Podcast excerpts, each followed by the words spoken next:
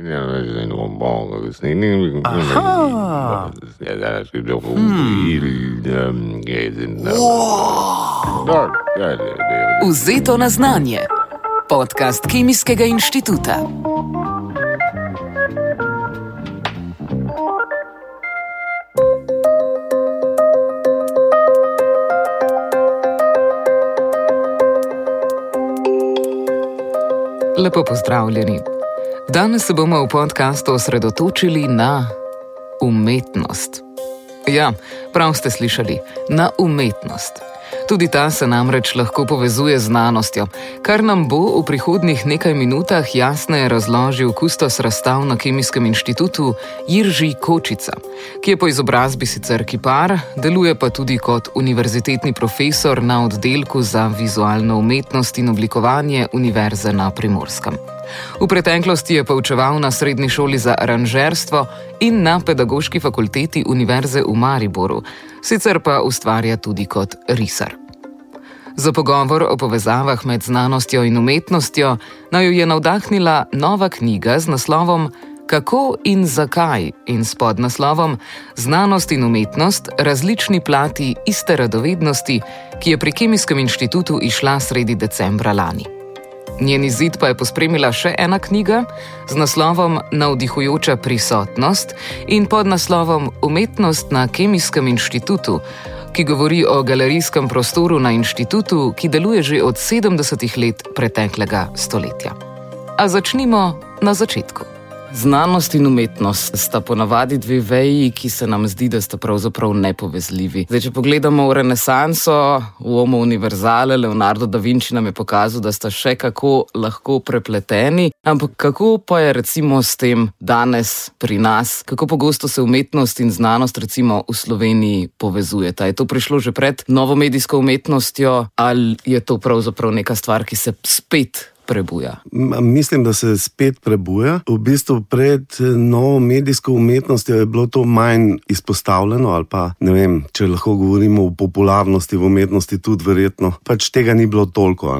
To se je nekako odprlo z res z računalniškimi zadevami, ne, z, nov, z novimi mediji, pa pa tudi z tem, ker se je v bistvu začel en, jaz bi rekel, kar ena taka nova renesansa, ki je prišla z, bi rekel, en, ena veja, no, je prišla z tem, ker se je razkril DNK, pač z krik. In Watsonom, se pravi 56, pa pol od tam naprej, nekaj časa traja, ne, ta zamik je eh, de, desetletje, ne vem, 20 let mogoče. Recimo, da je prišlo to do, v biologijo, ko en tak boom. Potem pa z tem, ker se je pač DNK, človeški DNK, sekvencioniral, oziroma naredil, naredila se je cela mapa človeškega DNK in tudi, potem tudi drugih rastlin, pa živali, pa tako naprej. Danes imamo te, danes je tega pač skoraj vse je že tako rekoč razprto.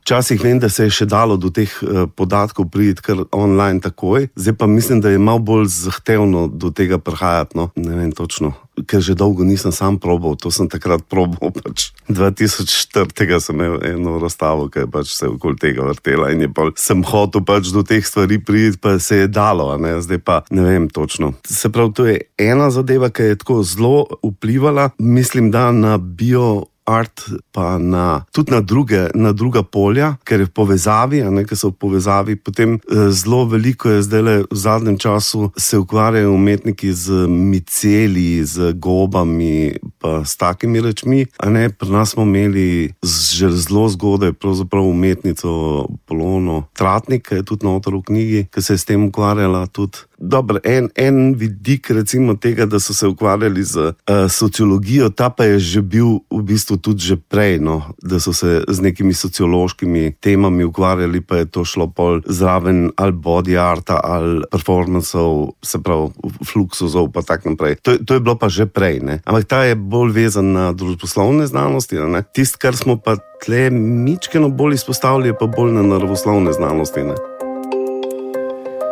Ali torej to pomeni, da mora biti umetnik do neke mere tudi znanstvenik?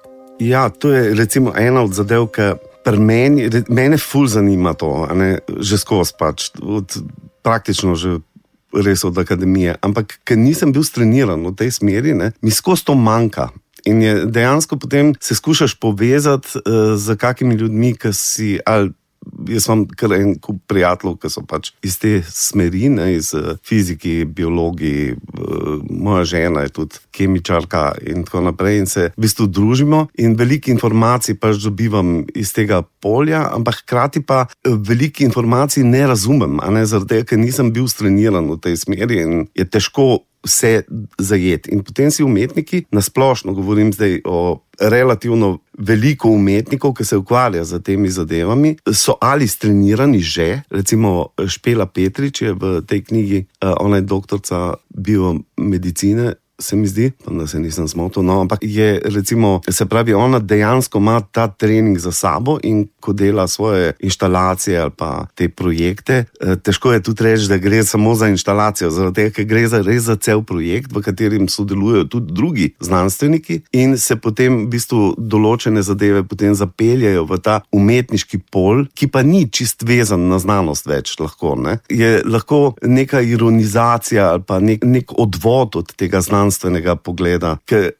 govori o nečem drugem, ne o noče samo nekih objektivnih danosti, recimo, ki jih lahko zmerite ali pa jih izpostavite na številčne načine ali pa na, na kak drug način, ne? ampak želi uh, pokazati uh, recimo določene uh, vidike, iz katerega nek znanstvenik gleda ali pa izpostaviti neko uh, zadevo, ki sploh ni znanstvena. Recimo zdaj je imela v Kemijskem inštitutu ob uh, otvoritvi te, oziroma ob izdaji teh knjig, je imela uh, razstavo, kjer je naprimer, vsaka rastlina, se pravi, te listnate rastline imajo na spodnji strani take odprtinice, skozi, katere grejo eh, zrak pa uh, voda, ne? in uh, se te odpirajo, pa zapirajo, ampak zgledajo pa kot ustnice. In potem je to snemala z mikroskopom, nekaj so zelo male, in je dala potem prebrati v timelapsu, zgleda, da bi govoril. In je to dala prebrati nekomu, ki se profesionalno ukvarja z branjem ustnic.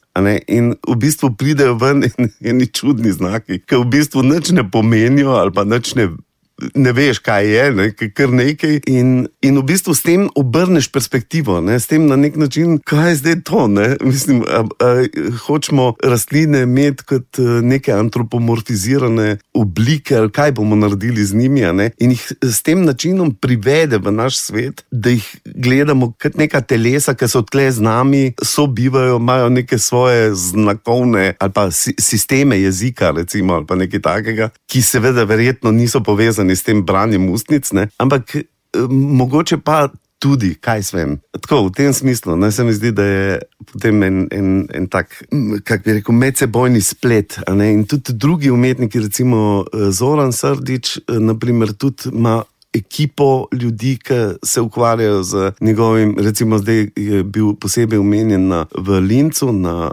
Ars Elektroniki, ker je naredil en biobot, ki bi naj bil v bistvu kot nek robot, ki se biološko zgradi in, in je v bistvu del našega telesa, ali pa so to deli našega telesa, ki jih je lahko tisoče, milijardo, jaz ne vem, ker to so zelo male stvari in v bistvu pomagajo, ali pa tudi, ne vem, upravljajo ne vem, z našimi telesi, mislimi, ne vem, bog ve kaj.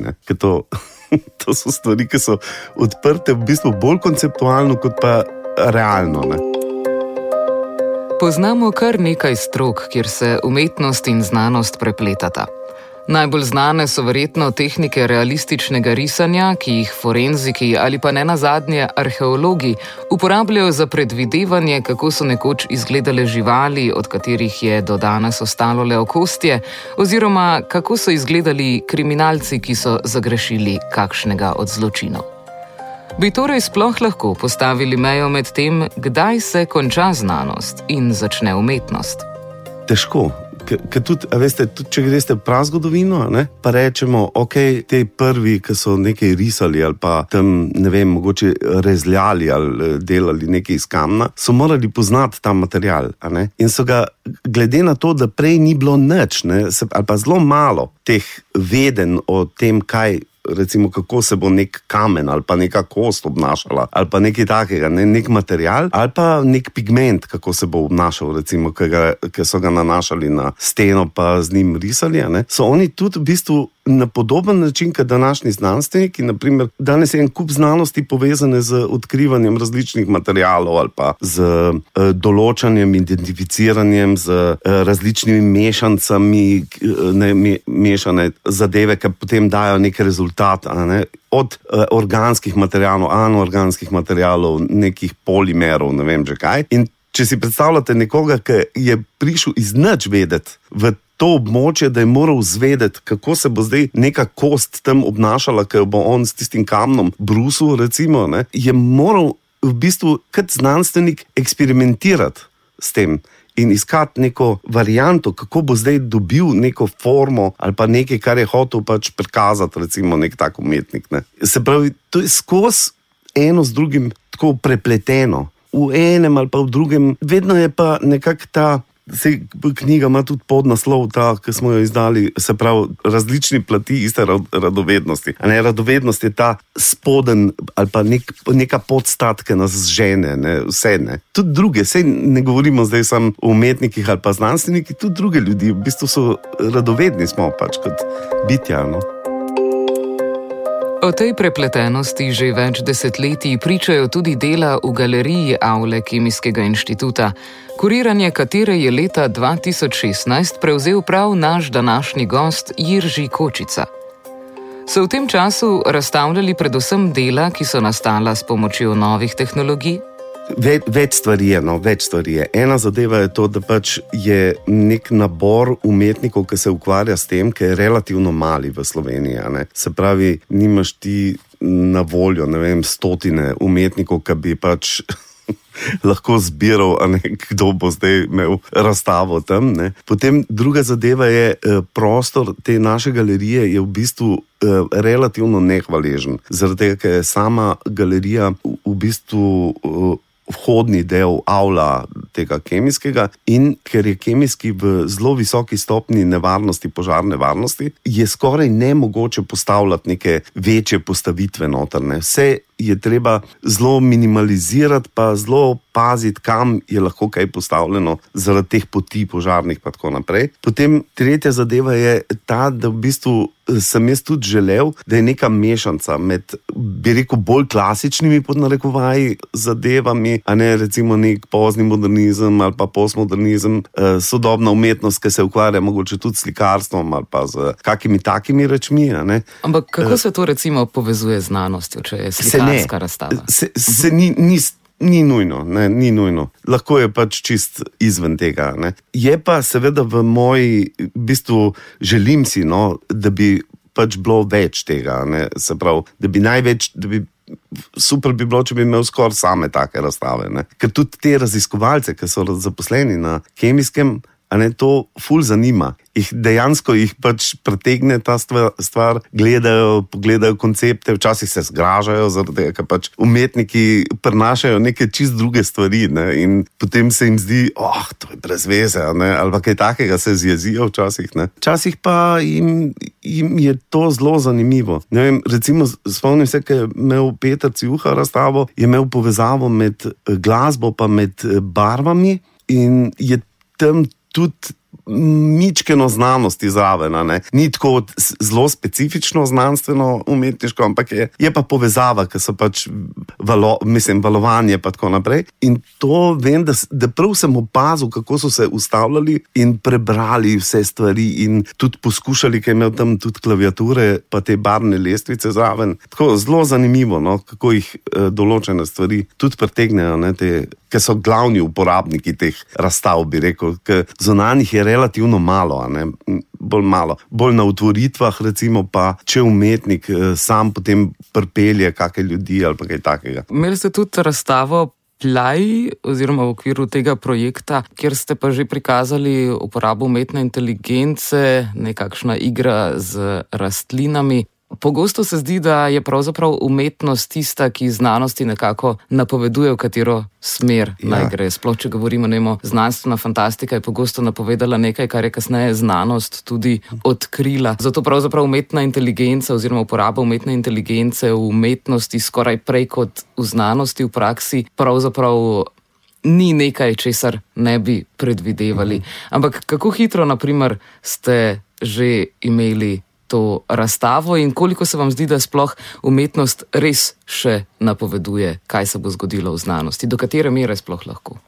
Ja, v bistvu dobro ste omenili to, tega, ker je večina teh zadev prišla v literaturi. Ven, Pravzaprav literatura je tista, ki je najbolj dajala smer razvoja znanosti v zadnjih, bi rekel, zad, mogoče v 19. in 20. stoletju. Recimo, Likovna umetnost nisem jaz imel občutka, da bi bila tok s tem povezana. Je, se mi zdi, da je manj napovedovala ali pa razpirala teme, ki so se potem v znanosti obdelovale posebej. E, ta razstava je bila zdaj, e, to je od Špele Petrič, ena od postavitev, je ta plaj, v katerem ona uporablja umetno inteligenco in se umetna inteligenca spet v narekovajih igra z rastlinami. Tako da v bistvu se vse čas meri, kaj delajo rastline, kako se rastline gre za ene kako se temu reče, kaj ne buče, a veste, kaj imajo tiste ovijalke, ki se uvijajo, ali pa mislim, da je prtrti tudi so take ovijalke. Vitice. Ene rastline, ki imajo tako vid, vitice, ja. in ki se hočejo oviti okoli eh, nekega, neke take kroglice, ki je potem navezana na, na eno mašinerijo tega, da se te kroglice dvigujejo in spuščajo. In potem, ki se hoče pač naviti, potem umetna inteligenca to opazi, snema in potem se v bistvu igra, da, da, da jo malo podaljša, ne? in potem ona spet, rastlina spet gre do tistega. Mislim, ena taka igra se vzpostavi, ki pravzaprav niti ne veš, ali je igra ali ni igra, ampak zgleda, kot igra. No? Tako v tem smislu. No? Je pa. Ok, to je pač ena od zadev. Eh, drugač pa umetna inteligenca vsekakor bo ali pa vpliva zelo, ker vidim tudi uh, druge umetnike, da se ukvarjajo s tem, z, jo uporabljajo ali pa jo preizprašujejo. Tudi taka vprašanja, ki pa vidiš, da je. Da so, Da je zelo naučena tudi ta umetna inteligenca, da v bistvu ti bi rad, da bi bila bolj svobodna v tem, ne, eh, recimo, ali pa mi z neko predpostavko prihajamo, da se ona dejansko uči. Ampak tisto, kar, kar mi lahko navadni uporabniki dostopamo do tega preko računalnikov ali pa pač preko neta, je to precej naučena zadeva, ne? ni, ni tako res odprta. Ne? Tako da verjamem, da tisti, da kakšni umetniki že delajo na tem, da tudi te novomedijske ali pa te, ki se ukvarjajo z digitalizacijo, da, jih, da že želijo tudi v tej smeri delati, da uh, razpirajo, da pustijo, da se uči sama po sebi in tako naprej. Ker je to neka taka zadeva, ki je, ki je po mojem, kar, mislim, po eni strani kar strašljiva zaradi tega, ker ti naenkrat imaš pred sabo neko reč, ki ima, kako bi rekel, dostop čist do vsega. Mi imamo na, z našimi možgani, z našim telesom, težko dostopamo do vseh stvari, tako rekoč naenkrat.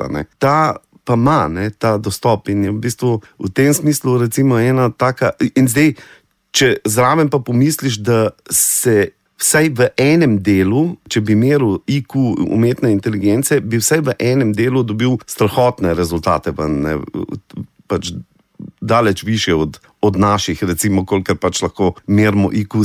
Ampak recimo, ne, da. Kaj sem? Tako da bi rekel, zdaj, zdaj zelo špekuliram, ampak kot da bi rekel, recimo, naši poprečje 100, v, tu bi pa dobili, ne vem, tisoč, recimo, lahko rezultatne. Zelo špekuliram zdaj. Ampak tako, si, zdaj si predstavljate, s kakšno močjo operiramo. Ne? Tako v tem smislu se mi zdi, da je kar strašljiva, ne? po drugi strani pa kot orodje pa. Strahotno uporabna, ne? ker recimo, že jaz jo uporabljam tako za, za kakšne stvari, recimo izpolnjevati neke določene zadeve ali pa pri kakšnih tekstih, recimo določene dele, da ti eh, napiše, pa potem pač greš skozi, pa pregledaš, pa tako naprej. Ampak vsakem primeru je pa strahotno urodje. No, to je nekaj, ne vem, tako kot lok v prazgodovini, ki je naenkrat si, si spuščico lahko ustrelil nekaj, kar je bilo desetkrat dlje kot prej. Ne, Kar se tiče umetne inteligence, so se kljub prvotnim uporom glede tega, kdo naj bi bil nosilec avtorskih pravic del, ki jih je ustvarila, nekateri risari že odločili, da jo začnejo tudi učiti risati, kot rišajo sami, in da bo morda lahko v nekaj letih samo s pomočjo ukazov risala v njihovem slogu, ne da bi sami rabili prijeti za svinčnik. No, več o preseku med znanostjo in umetnostjo lahko preberete v že omenjeni knjigi Kako in zakaj. Znanost in umetnost, različni plati iste radovednosti, ki je išla, kot že rečeno, lani decembra pri Kemijskem inštitutu. Danes smo imeli v gostih Jiržija Kočico, z njim pa sem se pogovarjala Pija. Do prihodnič vas lepo pozdravljam in vabim, da na spletni strani Kemijskega inštituta prisluhnete tudi prejšnjim podkastom, do sedaj se jih je nabralo že kar nekaj, vsi pa obravnavajo zelo različne tematike. Pa srečno! Ja,